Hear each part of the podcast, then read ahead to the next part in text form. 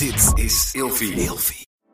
De overgang. 85% van de vrouwen tussen 45 en 60 jaar ervaart overgangsklachten. Klachten die kunnen leiden tot een verkeerde diagnose of langdurige arbeidsongeschiktheid. Wat kun je doen als je overgangsklachten ervaart? Hoe maak je dit bespreekbaar op je werk? En als jouw medewerker bij jou komt, wat kun je als werkgever dan doen? Sector Instituut Transport en Logistiek heeft een kennisplatform ontwikkeld waar jij terecht kunt voor tips en adviezen. Wil je hier meer over weten? Kijk dan eens op stl.nl/slash overgang.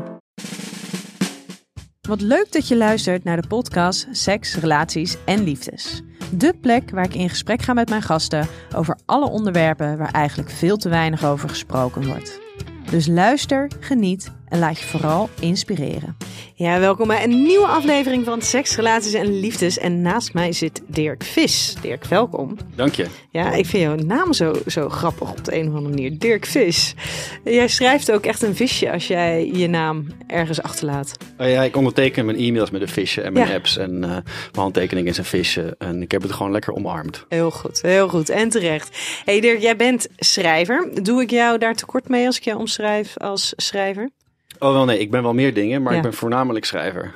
Als eerste. Ik geef ook les, ik ben redacteur. Maar dat komt, het een komt voort uit het ander, informeert het ander.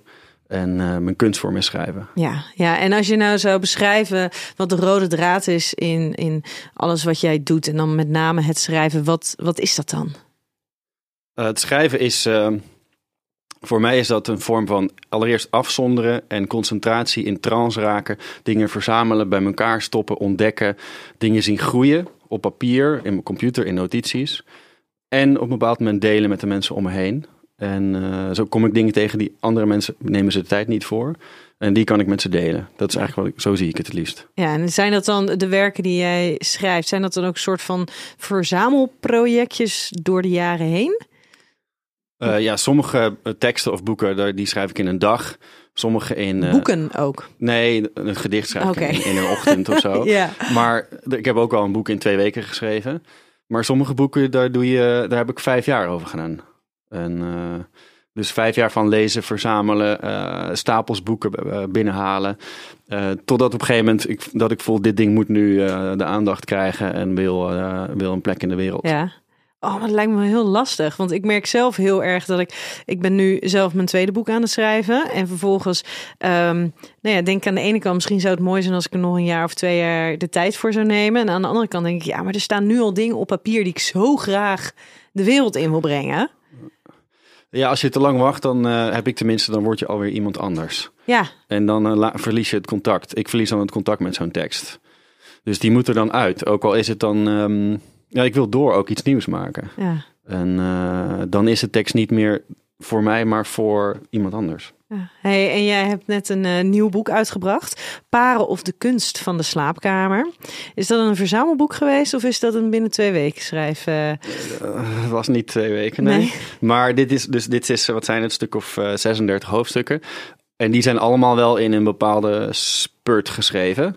Maar dat verspreidt over meerdere jaren. En ook herschreven. Herschreven, herschreven. ja? En parallel daaraan heb ik ehm, ja, echt eh, meters aan boeken over seksualiteit gelezen. Ook verhalen over seksualiteit.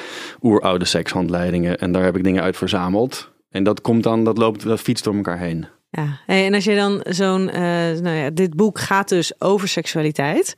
Eh, op basis waarvan herschrijf je dat dan? Is dat dan ook omdat je op een gegeven moment denkt van ja, maar deze tekst past nu niet meer bij wie ik nu ben, of misschien wel hetgene wat ik net ontdekt heb, en dat dat dan niet meer overeenkomt? Voor mij is er eigenlijk maar één, één, één criterium Ja, bij het schrijven en herschrijven. Vind ik het leuk? Ja, dat is echt het simpelste. ja. Is het lekker? Eh, ik hoef er niet geil van te worden, ook al gaat het over seks. Dat was niet de bedoeling. Dat mag wel, maar is de zin lekker? En ik verander natuurlijk door de tijd heen. Dus nu vind ik andere dingen. Ik ben, ik ben, nu vind ik andere dingen lekker. Dus nu ben ik andere teksten bezig. Maar bij het herschrijven was alleen maar: is deze zin fijn? ja. Doet hij wat? Wekt hij wat op? Krijg ik er zin van? En als ik er geen zin van krijg, dan moet hij weg of anders. En dat is niet per se alleen maar zin in seks, Nee, maar gewoon een beetje de, de, de joie de vivre. zin in het leven. ja, Ja, dat. Krijg ik hier plezier van? Ja, want dat is wel grappig, hè? Want dit is inderdaad het. eh, in mijn beleving gaat het boek is een soort van zoektocht naar seksualiteit. In, in brede zin. In historisch uh, met, met als historische aspecten erin, vanuit de kunst, allemaal dingen erin verweven, vanuit de persoonlijke uh, ervaringen, vanuit uh, de, de, de mensen die jij beschrijft. Um, maar dan kan ik mij wel voorstellen, want als het een zoektocht is naar seksualiteit, met het idee van er is zoveel meer te ontdekken over seksualiteit, dat hetgene wat jou raakt en waarvan jij denkt, ja, dit, dit is het, dat je als je op een gegeven moment een jaar verder bent, inderdaad daar heel anders op terugkijkt. Nou, nu is het boek dus een aantal maanden uit. Mm -hmm. En dus nu kijk ik hier alweer anders op terug. Ja? Ja, want dit was... Ik heb jaren uh, me verdiept in seksualiteit. Ik heb natuurlijk ook eerst 30 jaar allerlei vormen van seksualiteit zelf ervaren. Uh, dus dat is ook een ding. En, en toen heb ik alles bedacht wat ik... Of alles geprobeerd te ontdekken en geprobeerd te leren. Nu is het er. Het heeft mij veranderd. Uh, nu ben ik ook iemand anders en heb ik een ander seksueel leven gekregen. Ik kijk er anders naar en op de een of andere vreemde manier heb ik eerst alles moeten leren om dan nu weer op een totaal andere manier te kunnen ervaren seksualiteit. Ja. Dus het is alsof ik alles moest, moest weten, tussen aanhalingstekens, om het daarna los te kunnen laten. En, en nu gaat weer een nieuwe wereld voor me open. Ja, bizar hè, hoe dat dus werkt met seksualiteit. Het, hoe meer je ervan weet, hoe leuker het wordt. Hoe leuker het wordt, maar ook hoe, ja. hoe meer je er eigenlijk ook dus niet van weet. Het wordt alleen maar, ik heb steeds meer ervaring, steeds meer kennis, maar het wordt een grote raadsel tegelijkertijd. Ja. Ja, want een van de boodschappen die jij wil meegeven uit in het boek is um, dat seksualiteit zoveel meer is dan dat wij eigenlijk meekrijgen uh, in het dagelijks leven. Uh, dat het veel meer lagen kent, veel meer manieren om ermee om te gaan, om het te beleven, te ervaren. Um, en jij gaat er dus expliciet ga je naar op zoek van wat zijn dan die lagen, maar daarbij ook het stukje gericht op de op, op mannelijke seksualiteit. En dat mannen helemaal niet zo heel erg rijk zijn in hun seksualiteit. Nee, ik heb uh, als ik vanuit persoonlijke geschiedenis spreek, ervaring en ook met, met, met vrienden en uh, altijd besprak en ook zelfs met familie, zeg maar, dan is dat uh, het palet aan mannelijke seksuele technieken en kennis is uiterst beperkt. Ook al doe je graag voorkomen dat het zeer divers is. En um, dus mannelijke seksualiteit in op de beste manier zoals ik die ken onder vrienden is vaak toch opscheppen, vertellen, delen, plezier. Het is, kan, is vaak met lol, maar heeft ook wel echt met opscheppen te maken. En dus over, uh, gaat over um, uh, scoren, gaat over prestaties. En um, heeft dus eigenlijk niks te maken met dingen als verbinding bijvoorbeeld, of ontdekking, of kwetsbaarheid, of transformatie, of heling, of schoonheid. Of, en als je daarin blijft zitten, dan kan je, zo, ja, kan je heel erg lang doen. Dan uh, als je denkt dat je dat moet overwinnen allemaal, dat je daar de beste in moet worden, dan um, doe je volgens mij jezelf en je naaste vreselijk tekort. Ja. En, um, en mannen hebben daar, hebben daar met name iets voor in te halen. Want vrouwen hebben toch wat meer verbinding met hun, in mijn ervaring, met hun intuïtie. Met hun, die, hoeven het misschien niet per, die hoeven het niet per se uit te drukken, maar meestal weten ze het veel beter. Ja, die krijgen al veel meer ruimte in ieder geval om ermee in contact te staan en om inderdaad meer te luisteren naar wat is wat ze nodig hebben en echt oprecht verlangen in plaats van gewoon maar te ja. doen wat ze kennen of denken te kennen. Ja. ja. En die, ja, dat hoeft niet uitgedrukt te worden in een soort, uh, hoeft niet discursief in een soort van taalachtig ding. Die zijn er wat, in mijn ervaring, meestal meer in thuis. Dit boek heb ik ook eerlijk gezegd met name gemaakt voor mannen en mannelijke vrienden in de praktijk, dat wist ik al van tevoren, want wie leest er fictie in Nederland? Eigenlijk vrouwen, meestal. Ja. Dus de meeste reacties krijg ik van vrouwen. En ik hoop dan stiekem dat ze het uh, aan hun vriend geven, want die hebben het eigenlijk nodig. Ja. En um, het kwam ook voort uit toen ik mijn um, uit eigen nieuwsgierigheid, uit eigen frustratie, uit eigen uh, onvermogen me in seksualiteit ging verdiepen. En de dingen die ik ontdekte en meemaakte, ik kwam er achterna een paar jaar dat ik ze wel kon vertellen aan mijn allerbeste vrienden. Maar dat, ze, dat we er eigenlijk niet. We kwamen er samen dan niet uit.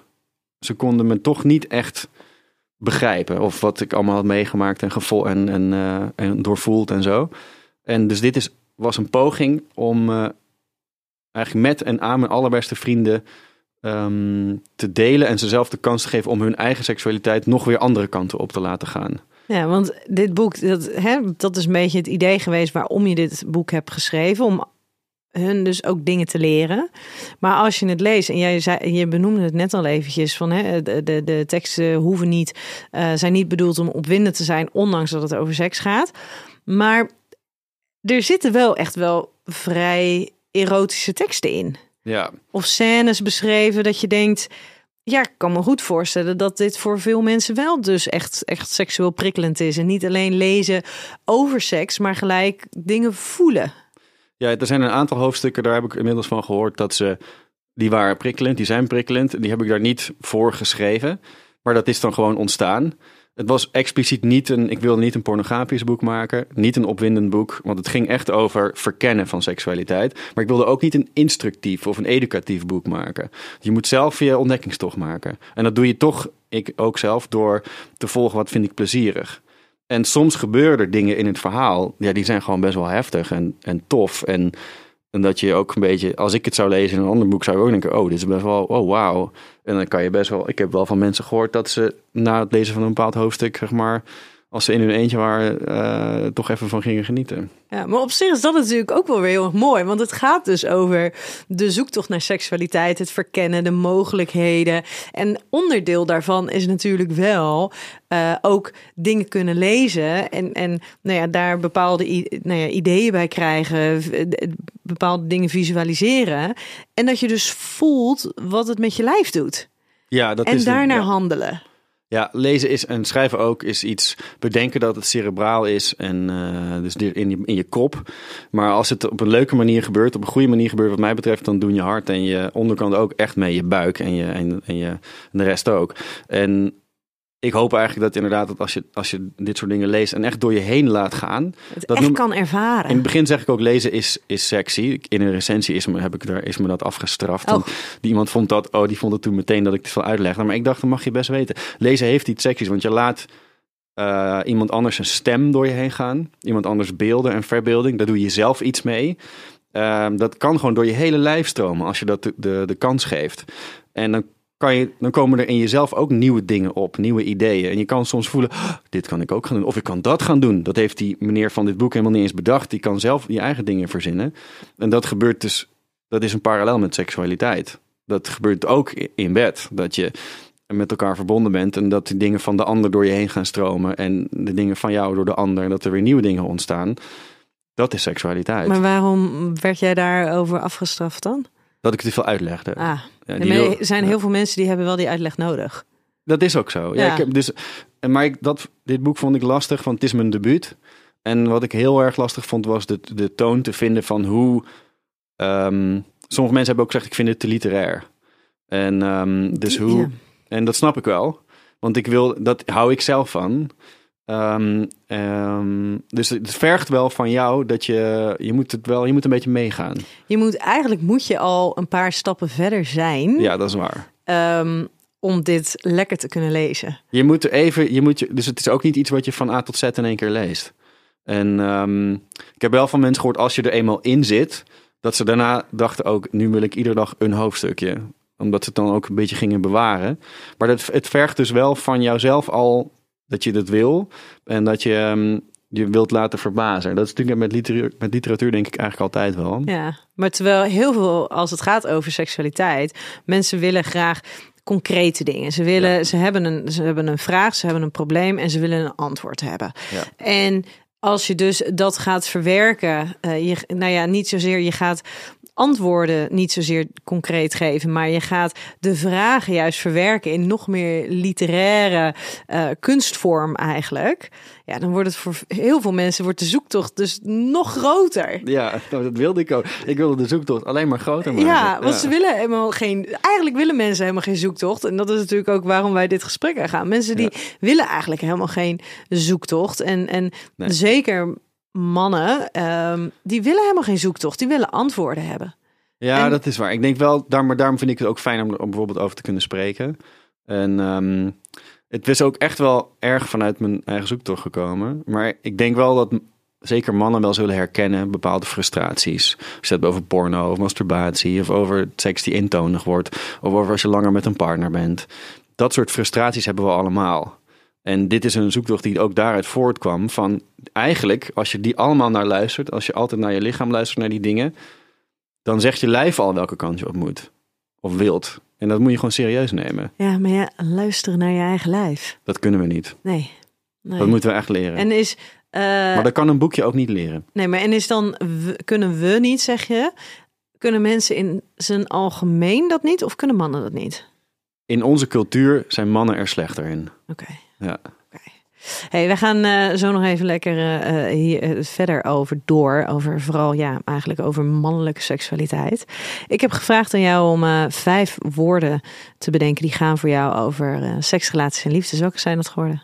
Dat is trippen, helen, ontdekking, verbinding en grenzen. Trippen heb ik nog niet eerder gehoord. Vertel. Nou, dat is misschien ook... Voor mij is seksualiteit is een vorm van trippen eigenlijk. Ja? En dat... ehm, er zit een hoofdstuk in dit boek en dat is aan het einde en dat gaat best wel ver. En Eh, beschre- Wat is best wel fair voor de luisteraar? nou, in dit boek wordt... eh, eh, in de recensie noemde iemand, het is het onderwerp zweefseks. Dus eh seks met, waarbij je, waardoor je opstijgt. En dat is natuurlijk een beetje een metafoor, maar tegelijkertijd is het ook gewoon eigenlijk echt waar. En ehm, dat komt voort uit dingen die ik heb ervaren, dingen die ik uit de wereldliteratuur heb gehaald. En het is een manier om te kunnen spreken over iets waar je niet zo goed over kunt spreken. Maar sindsdien heb ik nog steeds heb ik nog veel meer ervaren hoezeer, ehm hoezeer seksualiteit een vorm kan zijn van trippen. En waarbij je dus helemaal niks nodig hebt, geen middelen, alleen maar elkaar en tijd en openheid. En wat trippen is, geen idee. Dat zou een ander boek kunnen worden. Maar ehm, De intensiteit. intensiteit, eh, transformatie. Eh, je komt, wordt een ander mens door, je wordt er lichter door, eh, vrolijker, ehm, gezonder.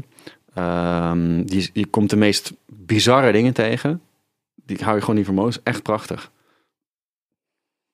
Ja, oké, oké. Trippen dus. Ja. Oké, maar daartegenover staat ook helen. Ja. Of daar niet tegenover, maar daarnaast staat ook helen. Wat is, wat, waarom helen? Ehm, ik moet eerlijk zeggen dat ik het eerst wist vanuit de geschiedenisboeken, vanuit de, de, de Kama Sutra, dat soort boeken. Dat er dus verschillende posities zijn die je kunt doen om elkaar te helpen genezen van iets. Maar het gaat zelfs zo ver, er is een soort basisregel. Degene die beweegt, want vaak is er één partner die beweegt meer dan een ander, die geeft aan de ander. Wij denken, die neemt de ander. Zo zeggen we het ook. Ik neem jou. Dat zeg je. Mannen zeggen dat. Mannen zeggen vaak dat. Of een mevrouw kan ook zeggen, ik wil dat je me neemt. Maar dat is eigenlijk is het een, een, een paradoxaal soort uitleg. Want wat er gebeurt is, degene die neemt, geeft. Ja, absoluut. Ja, je geeft de ander energie. En als je, daarop, als je daar een keer op, op afstemt, als je dat echt bewust doet, dan kun je dat ook voelen gebeuren.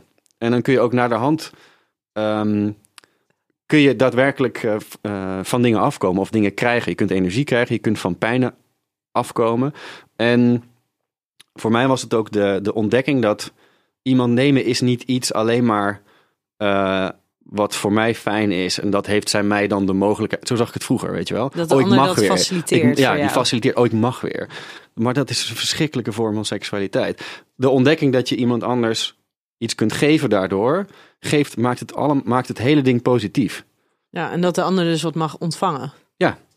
Ja, en maar dit is, ik, ik ben heel benieuwd of jij je, je, je aantekeningen van de afgelopen jaren in je zoektocht nog hebt. Want dit is, het zijn toch geweldige dingen om dit te lezen en te, en, en te ontdekken hoe dat, hoe dat werkt. Want dit is natuurlijk wel iets wat het hele, ja, ehm, het hele beeld van seks een beetje in stand houdt. En inderdaad, als je het hebt over dat de man eh, dan, dan de vrouw neemt. Eh, en dat, dat betekent dus automatisch dat zij iets soort van iets opgeeft of Ja. weggeeft of moet inleveren. Een beetje zo, een beetje die toon heeft het dan. Terwijl als je hem alleen al in de betekenis anders gaat zien, kan dus penetratieseks ineens heel anders voelen. Ja, het, wo- het wordt helemaal omgekeerd. Ja, Dus, dus dat, in dit boek, ieder hoofdstuk heeft een, een eh, begrippen paar als, als titel, omdat ik, het zijn allemaal paren. Dus ehm, nemen en geven. Nemen is altijd ook geven. Dat wil zeggen, als je het op een bewuste manier doet. Het, ehm, het gaat ook over machtsverhoudingen. Dus eerst, vroeger was het dan in, de, in, in hoe seks vaak bij ons wordt ge- gepresenteerd, eh, is degene die, die neemt, heeft de macht. Maar in feite is het omgekeerd. Ja, maar dat is natuurlijk binnen bijvoorbeeld eh, de BDSM is dat heel duidelijk. Ja. Daarvan wordt inderdaad altijd gedacht dat degene die eh, de dominante is, dat die degene is met de macht en, en de controle. Maar het is juist de ander die de grenzen bepaalt Zeker. en daarmee het speelveld bepaalt. Ja. En zeker in echte gewoon de goede BDSM, daar mogen geen grenzen worden overschreden. Ja, Dus daar be- bepaalt de onderdanige bepaalt wat er mag gebeuren. En daarmee heeft de onderdanige dus de controle. Nou, dat, daarom is een van mijn woorden ook grenzen. Want die zijn net zo belangrijk. Om te kunnen ontdekken, om dit, dit soort dingen te kunnen doen, moet je die grenzen bepalen. En in, in BDSM, eh, dat, ik ben daar in dit boek van afgebleven. Ik vind dat ook, ik heb überhaupt geprobeerd niet met labels te werken. Want voor veel mensen is het dan of je zit erin of je zit er niet in. En, ehm, maar iedere sessie in de slaapkamer heeft te maken met grenzen, heeft te maken met machtsverhoudingen.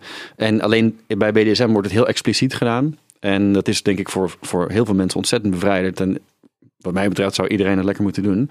Maar eigenlijk zijn ook mensen die daar niks van moeten hebben, hebben ermee te maken.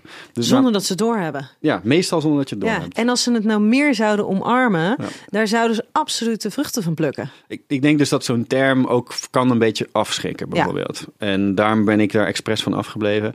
En dus eh, spelenderwijs zou ik, want BDSM is ook een vorm van spel, van ritueel, van ceremonie, met z'n tweeën of met meer mensen. En dat is het, het, eh, het, het paringsceremonie, met z'n tweeën is ook altijd een soort spel maak je. En ehm, of je dat nou doet binnen de context van BDSM of gewoon met z'n tweeën, samen de regels bepalen, samen de grenzen bepalen, samen ook ontdekken dat je de grenzen kunt verleggen. Eh, dat is onderdeel van dat spel, ja. Ja, maar ik denk dat zeker dat, dat afspra eh, afspreken wat dan de grenzen zijn, afspreken wat de regels zijn, dat is natuurlijk iets wat dan bijvoorbeeld bij BDSM wel gebeurt, maar niet gebeurt normaal in de slaapkamer. Je gaat niet van tevoren, ga je, ga je bespreken van, hey, dit is wat we gaan doen, dit mag wel, dit mag niet. En op een gegeven moment kom je er wel achter dat er dingen zijn die je partner wel of niet fijn vindt.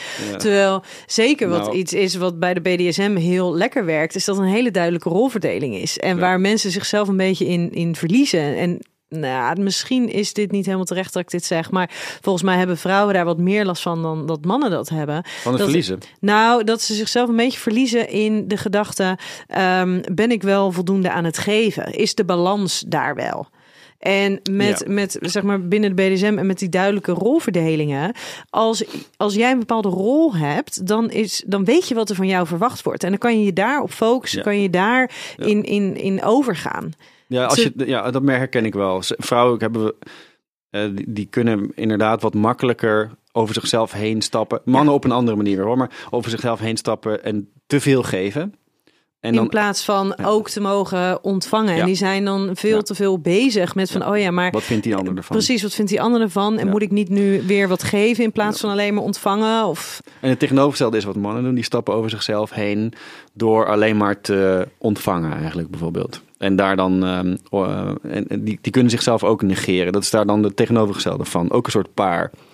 Ehm, ik dacht net nog, ik vind het dus wel leuk om van tevoren regels te bepalen en dingen te benoemen. En we kunnen dit doen. En dat, dat doe ik dan het liefst niet vlak voordat je daadwerkelijk.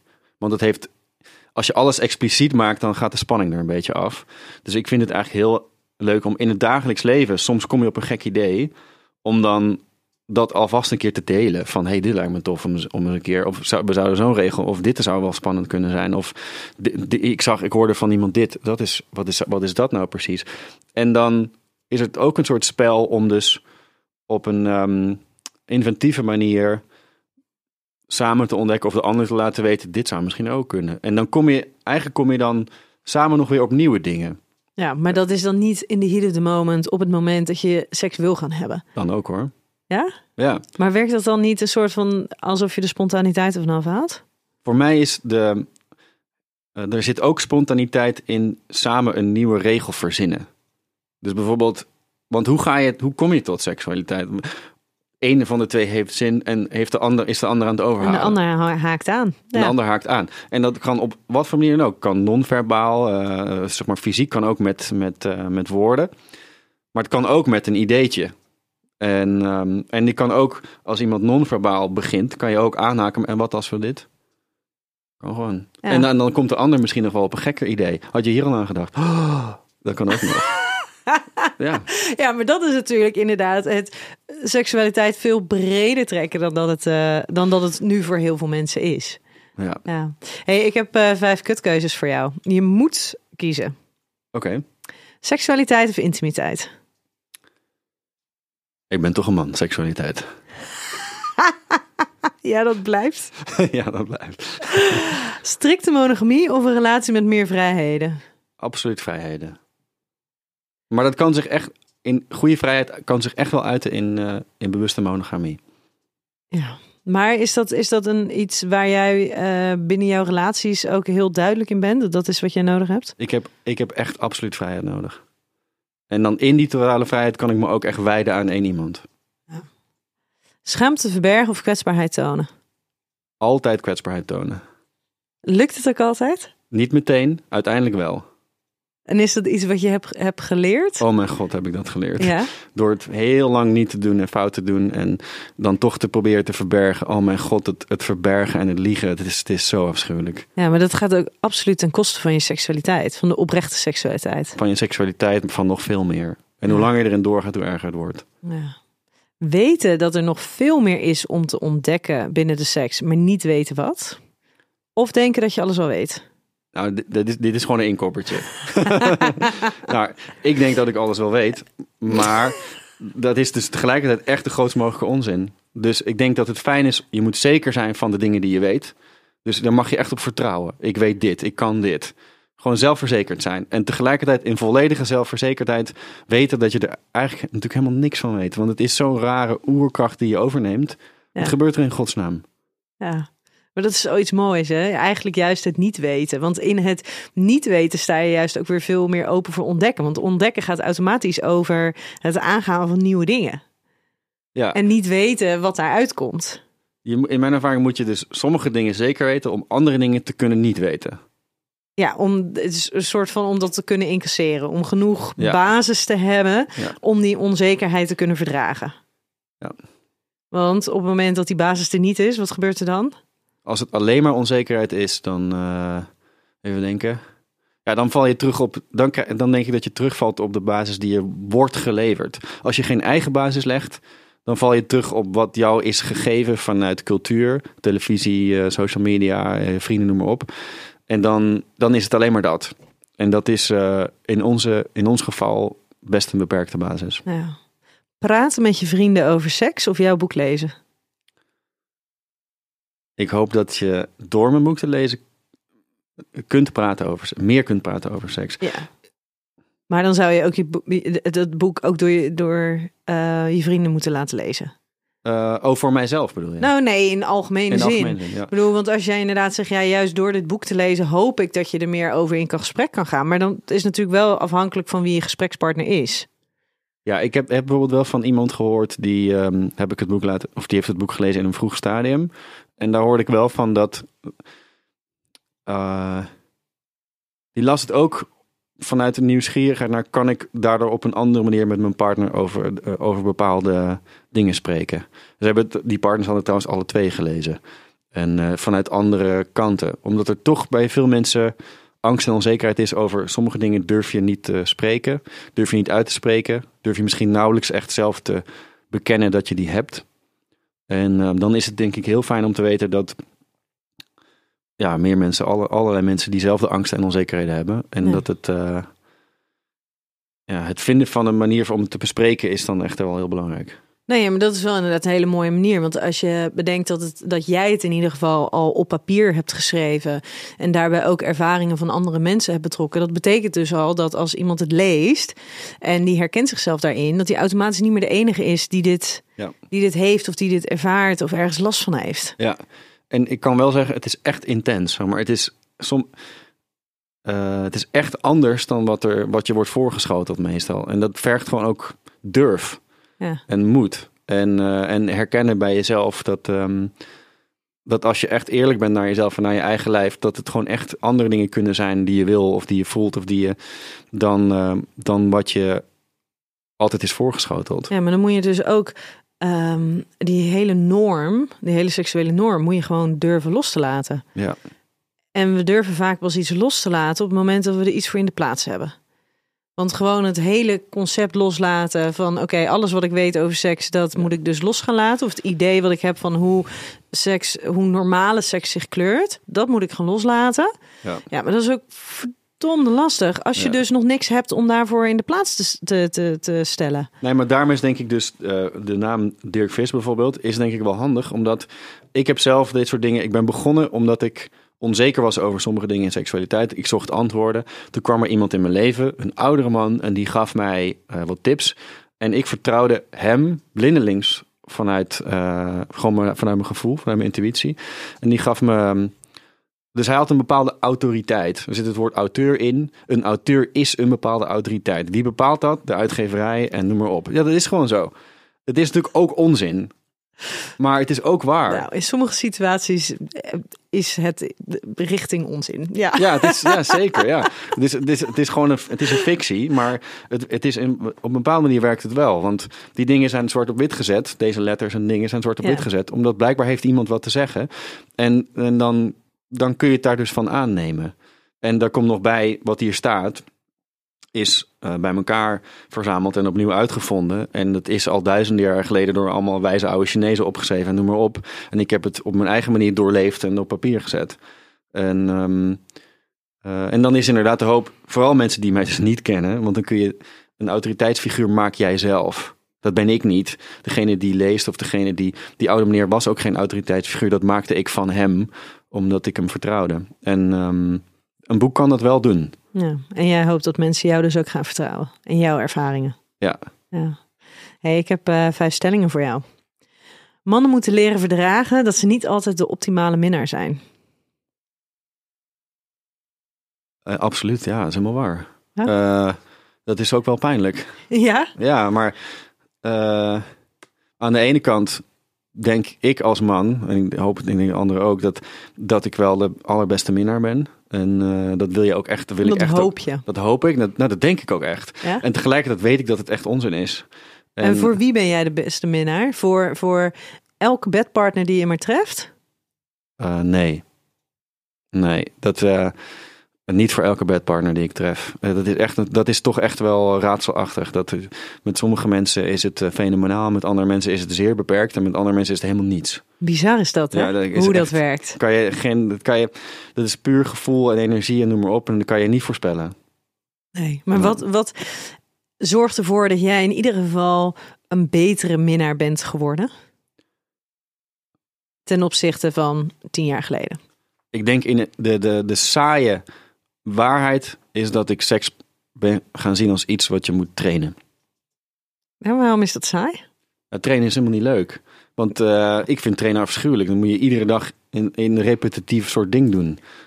Ja, of repetitief of nieuwe aspecten ervan. Ja, dat is natuurlijk uiteindelijk wordt het dat. En maar in, in trainen, ik hou, ik hou er helemaal niet van. Maar wat ik heb geleerd is om de, de seksuele. Eh, maar ik heb ook tijden gehad met veel masturbatie, porno, noem maar op. Als- Als jonge man en als jonge jongen. En ik Dat is pas repetitief. Ja, joh, dat is verschrikkelijk. Ja, dat is echt. eh, Ik vond het verschrikkelijk, frustrerend en repetitief. En, en ik voelde me slaaf ervan. En de- dus ik heb langzaam geleerd om die, die, die drive en die prikkels en die intent, dat ik dan dat moest gaan doen. Langzaam geleerd om te buigen naar. Zie, het, zie iedere keer als je dat wilt, zie het als een mogelijkheid om jezelf dan te trainen. Dus nu, als ik voel, nog steeds, als ik voel, ik wil dat, ik wil daarheen, denk oh, er komt weer een soort, eh, er komt weer een must, er komt iets omhoog. En dan is dat een mogelijkheid om beter te worden en om te oefenen en om een betere minnaar te worden. En ehm, dus ik ben het nu als iets positiefs gaan zien. Ja. Maar ehm, wat zou er gebeuren, denk je, eh, als meer mannen dat zouden verdragen? Dat ze niet altijd die optimale eh, minnaar zijn? Ik denk dat heel veel vrouwen een stuk gelukkiger zouden worden. Dat ben ik even, even benieuwd. Hè? Want we hadden het er net wel over dat voor heel veel vrouwen uh, is eigenlijk al veel meer ruimte om hun eigen seksualiteit uh, te ontdekken. Weet je, als je het hebt over um, nou, de, de gesprekken die er gevoerd worden, artikelen die er verschijnen, um, nou ja, de, de, de, de workshops die er worden gegeven om meer tot jezelf te komen, meer tot je eigen seksualiteit. Daar is veel meer ruimte voor.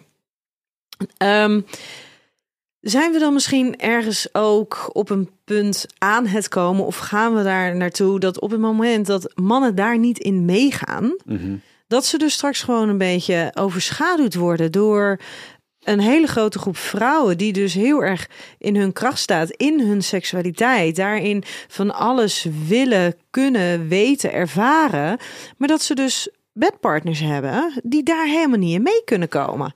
En die misschien ook een beetje met de handen in het haar zit. Van ja, shit, dat, met dat, die, die huistuin- en keukenseks die ik altijd heb geleerd, kan ik helemaal niet mijn partner meer bevredigen. Nee, dat is een, een soort eng toekomstbeeld wat je schetst. En dat is misschien ook wel aan de hand.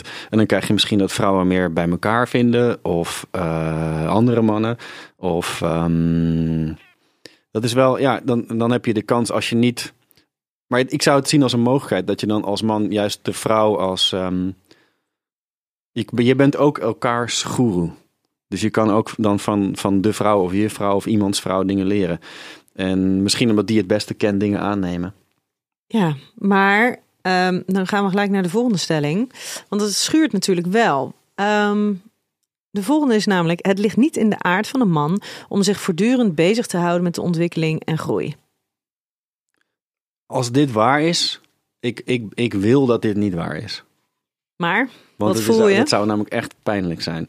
Maar, en ik denk ook dat het niet waar is voor heel veel mannen. Ik denk wel, het is wel waar voor sommige mannen. En dat is dan gewoon heel erg jammer voor hen en ook voor de wereld, eerlijk gezegd. Um, iemand heeft me laatst verteld dat liefde is de, weder, de wederzijdse intentie om samen te groeien. Ja. Dus als je al niet zelf wil groeien, dan ben je er ook niet voor je partner. Dan houd, kun je beter maar gewoon ophouden. Um, nee, dat vind ik heel erg pijnlijk. Ja, terwijl als je inderdaad al zei, je zei net al van nou, de, de, degene die mijn boek kopen, dat zijn over het algemeen vrouwen. Uh, als we zelfhulpboeken nemen, die zijn overwegend, uh, hebben vrouwen. ze de doelgroep vrouwen. Ja. Als je kijkt naar veel zelfhulp uh, podcasts bijvoorbeeld, is allemaal vrouwen. Ja. Dus daarin lijken vrouwen veel meer openstaan voor groei en, en ontwikkeling. En mannen dus gewoon misschien wel minder. Ja, je ziet ook in, in relaties zie je ook dat vaak is, er een, zijn, is de man ouder dan de vrouw en noem maar op. Maar vrouwen zijn veel wijzer. Uh, we zitten ook in een tijd waarin we veel meer behoefte hebben aan, aan vrouwelijke energie, aan vrouwelijke wijsheid. Um, dus mannen hebben wat in te halen. Ik denk ook wel dat we dat doen, eerlijk gezegd hoor. Ja? Het is ook een generationeel ding. Oh, dat denk ik absoluut. Ja, dus mannen van uh, de generatie onder mij in ieder geval, die gaan er alweer heel anders mee om. Um, en aan de andere kant is het natuurlijk ook weer zo van moeten we dan altijd maar groeien en ontwikkelen? Als je het niet doet zelf, dan wordt het voor je gedaan. Dus als je niet dit hier eigenaarschap overneemt, dan word je gewoon uh, een bepaalde kant op geduwd. En uh, dat mag best, maar dat is meestal geen fijne kant. Ja, en als je, dan, als je het dan hebt over ontwikkeling, wat je dus wel vaak ziet, is dat er dus als er trainingen worden gegeven over goed leiderschap en um, nou ja, een beetje eigenlijk bijna een beetje de, de, de mannelijke eigenschappen om die te trainen, dat er dan dus wel mannen zijn die, die aanhaken. Want we willen betere leiders worden, we willen krachtiger zijn. Um, maar dat zijn hele, nou, dat, dat zijn als, ja, dus die mannelijke waarden. Daar zijn we dan nog wel bereid om in te investeren. Maar dat gaat ook heel erg over controle en over regie. Terwijl als je dan kijkt over, over het stukje je verdiepen in die zelfontplooiing in je eigen seksualiteit. In die end gaat dat natuurlijk ook over daar regie over kunnen nemen. En niet controle ja. ophouden. En, en eigenlijk zeg maar dat, dat eigenlijk heel erg beperkt houden wat je, wat je kent en wat je kan, maar daar dus wel een gevoel van controle over hebben. En dat proces loslaten en je ontwikkelen en wel dus een gevoel van regie behouden, zonder dat je weet waar het, waar het helemaal uitkomt. Ja, ik denk dat het inderdaad wel gaat over, over meesterschap. En uh, controle is trouwens ook kan je ook echt al wel als een vrouwelijk iets zien, eerlijk gezegd. En op positieve en op neg- negatieve manieren. Ik zou eigenlijk zeggen, ja, als je als man beseft op een gegeven moment dat je misschien eerder slaaf bent van, van je lusten en van wat je denkt dat je allemaal moet, dan is het tijd om, om te leren daar meester over te worden. En dat vergt dan misschien dingen die je in eerste instantie helemaal niet verwacht. Want ook dat slaafmeester gebeuren waar we het net over hadden, dat vergt eigenlijk dan misschien wel eh, overge overgave en kwetsbaarheid. En eh, eh, wat je net zei, dat de- degene die de slaaf is, misschien wel eigenlijk de baas is. Ja. En, ehm, eh, en ook je afvragen wie heeft er nou eigenlijk baat bij de dingen die je doet. Ben, ben je dat zelf of zijn het anderen? Ehm, ik denk dat eigenaarschap, meesterschap over je eigen seksualiteit heeft, kan zulke eh, mooie consequenties hebben voor je leven. Dat, ehm, dat dingen buiten de slaapkamer veranderen, die hou je niet, gewoon simpelweg niet voor mogelijk. Nee. En jij zei net al eventjes, eh, misschien moeten we dan dus als mannen dingen gaan leren van vrouwen die dan daarin een, een stukje voorsprong eh, lijken te nemen. Gaan mannen dingen aannemen van vrouwen? Vrouwen zijn heel slim en wijs. En hebben, denk ik, kunnen manieren vinden om hun man of mannen dingen te laten leren, eigenlijk zonder dat ze het doorhebben. Klinkt bijna een beetje een soort van manipulatief. ehm, Dit is bijna manipulatief. Als het de manipulatief is de negatieve manier. Maar ik zou zeggen, spelenderwijs. Op een speelse manier eh, kan een vrouw je dingen doen voelen. Die je nooit zou hebben aangenomen als ze ze zou zeggen. Ja. Als ze ze zou uitleggen. Maar door de ervaringen samen op te doen. Ja. En daar even een soort van ook af en toe even een pauze in te lassen. Even van bewustzijn. En hey, hoe, hoe voelt dit? Hoe is dit? Ja. Want anders, als je er zo weer aan voorbij gaat, is er ook weer een kans dat hij niet blijft hangen. Ja, En wat was dat trouwens voor lachje bij jou? Was dat een herkennings... eh, ja, herinnering zou ik zeggen. ja, nee ja. Eh, andersom werkt het ook. Als man kun je natuurlijk ook je partner, als het een vrouw is, hoeft natuurlijk helemaal niet een, vrouw te zijn. Nee. Want we hebben allemaal vrouwelijke en mannelijke energieën in ons. Dus dat, en dat kan ook wisselen. Je kunt ook eh, eh, als man je vrouwelijke energieën omarmen. En met name die rol. En dat hoort er ook echt wel erg bij. Als je die, die energie in jezelf hebt omarmd, worden dit soort dingen vanzelfsprekend. En, en speels. En, ehm, eh, maar je kunt als man ook je partner dingen laten zien die ze misschien niet voor mogelijk. Als, ik ga dus nu even uit van man en vrouw. Als je die niet, ehm, die je misschien niet voor mogelijk zou hebben gehouden. Er zijn ook speelse manieren voor. En dat heeft dus soms ook te maken met iets typisch mannelijks als. ehm, het mannelijke energie kan ook wel iets heel krachtigs hebben. En soms is dat gewoon nodig. Ja, en lekker. Ja. ja. Hey, juist het labelen van je seksualiteit zorgt voor verwarring. Ja. Niet doen. Want? Labelen is makkelijk om dingen op Google te vinden, maar zelf niet doen. Want dan je blijft zitten in hokjes en categorieën. En, en, en eh, als je zelf bezig bent dan met je gevoel en zo, dan, dan, dan daar zitten geen hokjes en categorieën in. Ja, en wat je toen we elkaar eerder spraken, toen zei je inderdaad ook van ja, labeltjes kunnen heel mooi zijn om een soort van punt van herkenning te vinden. Maar buiten die context verliest het dan ook weer zijn betekenis. Dus dan wordt het ook weer verwarrend. Van, hè, maar ik heb me net mezelf een soort van geïdentificeerd als, nou ja, als dit stukje. Ja. Ehm, maar als ik dan weer ergens anders ben of met iemand anders ben, dan ervaar ik dat weer op een hele andere manier. En hoe zit dat dan? Ja, nou, en seks is ook ehm, loslaten. Dus seks heeft voor mij te maken juist met niet met identificatie, maar met het loslaten van bepaalde identiteiten. En als je dus echt gaat vastklampen aan een bepaalde seksuele ident- identiteit, dan, dan eigenlijk beperk je de boel dan weer. Alle, het was misschien bedoeld om te bevrijden en het heeft misschien ook bevrijd, maar het gaat dan, kan ook weer heel makkelijk beperken. Ehm, dus die dingen kunnen handig zijn om, om te leren en om elkaar te vinden en noem maar op. Uh, maar wat ook zo moeilijk, wat zo moeilijk is, probeer maar zo'n term echt te definiëren. Probeer maar eens echt, dan moet je het dus eigenlijk niet doen, want die komt er gewoon niet uit. Als je echt probeert uit te leggen, wat is precies dit? Monogamie alleen al, kom je niet uit wat het precies is.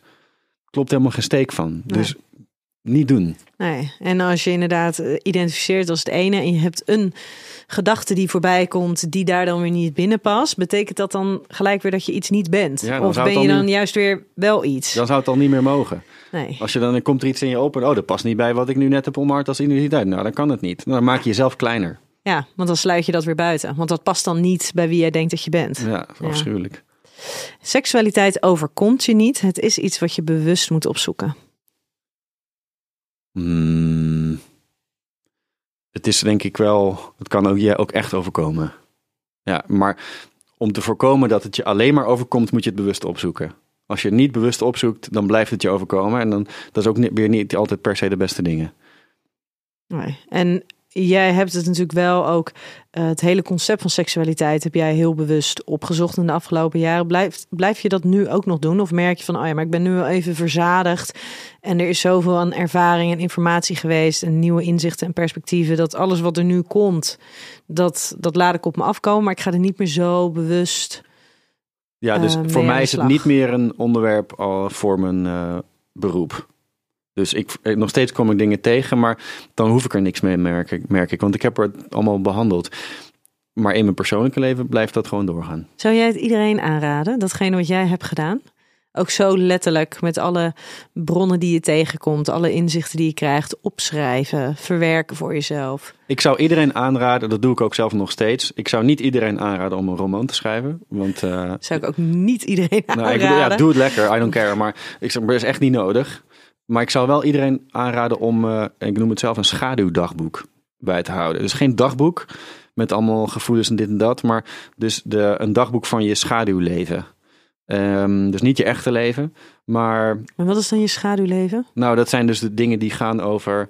Gaan misschien over de on, meer onbewuste dingen. Gaan over wat je overkomt of waar je naartoe zou willen. Dat, dat schaduwleven probeer ik wel bij te houden. Dus er kunnen soms dromen zijn. Kunnen soms ambities en intenties zijn kunnen dingen zijn die je hebt besproken met een vriend of een therapeut of zo. Dat je, daar, dat, je dat een beetje volgt. Ja. Heb, je, heb jij ergens een therapeut geraadpleegd in jouw proces? Allerlei therapeuten. Ja? Ja. Uh, klassieke psychodynamische uh, relatietherapeut, uh, seksuologisch, ehm, vanuit persoonlijke behoeften en ook vanuit professionele interesse. Ja. En denk je dat dat altijd de, de oplossing is voor iedereen? Nou, het zal niet altijd de op oplossing zijn, maar ik, zou het, ik had het zelf veel eerder moeten doen. Ja? Ja. Want? Um, nou, om te beginnen vind ik eigenlijk dat toen ik 15, 16 werd, zou ik al vanuit onze cultuur al benaderd moeten worden door mensen om me heen die me allerlei dingen hadden geleerd en verteld. Dus dat doen we al helemaal fout nog steeds. Dat is om te beginnen. Ten tweede zou ik denk ik tien jaar later, toen ik echt slaaf was van mijn lusten, had ik zelf al aan de bel kunnen trekken. Um, Wist jij dat toen? Nee, ik had geen idee. Nee, maar dat had ik wel moeten kunnen, had ik best kunnen doen. Zeg maar ik was er wel. Ik had best kunnen denken: dit vind ik eigenlijk niks. Waarom is dit zo?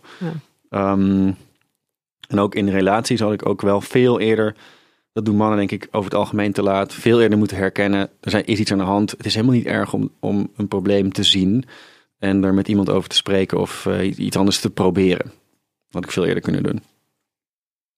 Ja, en nu dat je het hebt gedaan, is dat dan, heb je dat stukje afgesloten? Of is dat iets waarvan je ook denkt, oh ja, maar bij een nieuwe fase van mijn leven zou ik dat zomaar weer eens opnieuw kunnen doen? Ik zie uh, therapieën, en er zijn er allerlei soorten, zie ik nu gewoon als een, uh, iets wat bij het leven hoort. En dat kun je doen door uh, vanuit. Um, nee, ik denk dat je vertrouwenspersonen nodig hebt die je helpen met het, uh, met je, wat ik net noemde, je schaduwleven. Met helen en genezen en ontdekken. En daar heb je gewoon mensen bij nodig. En die kun je ervoor betalen. Kan via het ziekenfonds, of die kun je zelf kennen. Of het kan een, een soort mentor-ouder figuur zijn, of een, of een grootmoeder, vader. Of, um, dus daar moet wel iemand in je leven zijn waar je dat mee hebt. Ja, en misschien ook bij voorkeur iemand die niet alles met de mantel der liefde bedekt. Uh, nee, absoluut niet. En dat is het fijne aan iemand die grif betaalt voor therapie. Die gaat gewoon hartstikke objectief keihard de waarheid vertellen. Ja. Neem je het nog van aan ook. Ja, dat ook nog. Hè? Ja. Je wordt keihard met jezelf geconfronteerd. En je zegt nog dankjewel aan het einde ook. Ja, en dan, uh, ja, dan komt er een. Nee, ik, dat, is, dat is heel fijn. Ja. En er zijn maar weinig vrienden die echt de waarheid kunnen vertellen om te beginnen. En dan ook nog durven en dan ook nog doen. Ja, en dat hun waarheid niet enkel en alleen een soort van een... een, een mening is die nergens op gebaseerd is, maar dat je er ook nog wat mee kan. Ja. ja.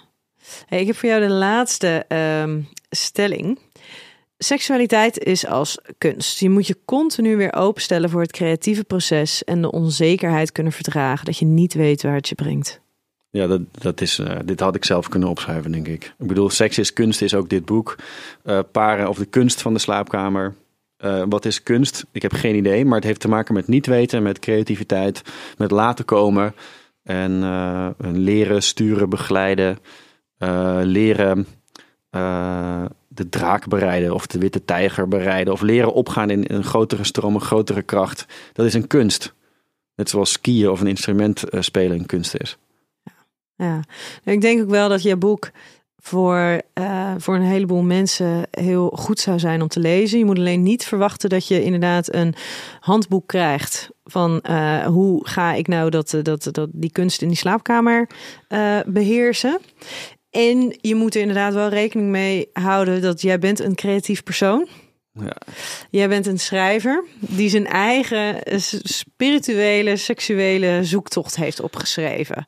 En daar dus wel allemaal echt gewoon echte bronnen bij raadpleegt. Dus het is niet alleen een verhaal over hoe jij dingen hebt beleefd. En je doet het ook vanuit perspectieven van andere mensen, hou er ook bij.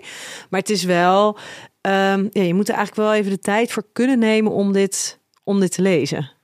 Ja, ik heb je niet een. Zeg maar, voor mij is het allemaal echt waar. Ja. Maar ik heb je niet, ik denk dat het echt, het is ook echt waar, maar ik heb je niet willen voorschrijven hoe het moet of hoe het. Uh, die boeken zijn er wel. Die kan je gewoon. Er staan ook achterin een paar uh, referenties naar boeken waarbij mensen zo, zeggen: zo zitten, dit moet je doen. Ja, dit is de absolute waarheid. Ja, maar in mijn ervaring, die boeken heb ik ook gedeeld met vrienden. Dat werkte helemaal niet. Die konden er niks mee. De afstand was te groot.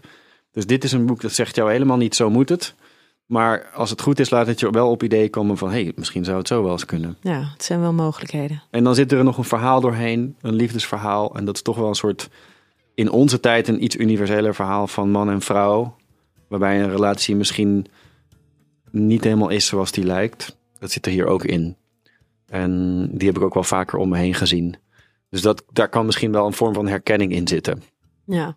En jij wilde nog een uh, stukje voorlezen. Ja. Ja? Hou ik van. Nou, je, had hem, uh, je had hem bij de hand. Ja. Wat ga je voorlezen? Um, een klein stukje, gewoon een paar ja. regels. Um, wat gaat, dit gaat toevallig over wat wij nu hebben gedaan. Hij leest hardop een passage uit een opengeklapt boek in zijn handen. Seks in taal veranderen, die ervaring delen is macht afstaan, is je kwetsbaar opstellen, is ook datgene waar je het over hebt noodgedwongen en ogenschijnlijk reduceren tot een teken, een symbool. Dus je reduceert het zodra je het gaat proberen uit te leggen of zodra je het gaat proberen uh, te vertellen. Je moet het doorvoelen en uh, dat kan het daarna wel doen, maar het is zelf eigenlijk iets raadselachtigs. Ja, het blijft iets magisch. Het is iets magisch, hè? Ja. Hey, dankjewel dat jij uh, hier vandaag wilde komen. Ik hoop dat er een heleboel, nou, onder andere mannen zijn, maar überhaupt mensen in, in, in brede zin natuurlijk, die bereid zijn om de tijd en de aandacht te geven aan hun seksualiteit die het nodig heeft. En als jouw boek daar ook nog eens bij kan helpen, dan zou dat, zou dat natuurlijk prachtig zijn. Dankjewel, ik vond het heerlijk om er zo over te praten. Ja, nou dankjewel. Hey, lieve luisteraar, tot volgende week bij een nieuwe aflevering van Seks, Relaties en Liefdes.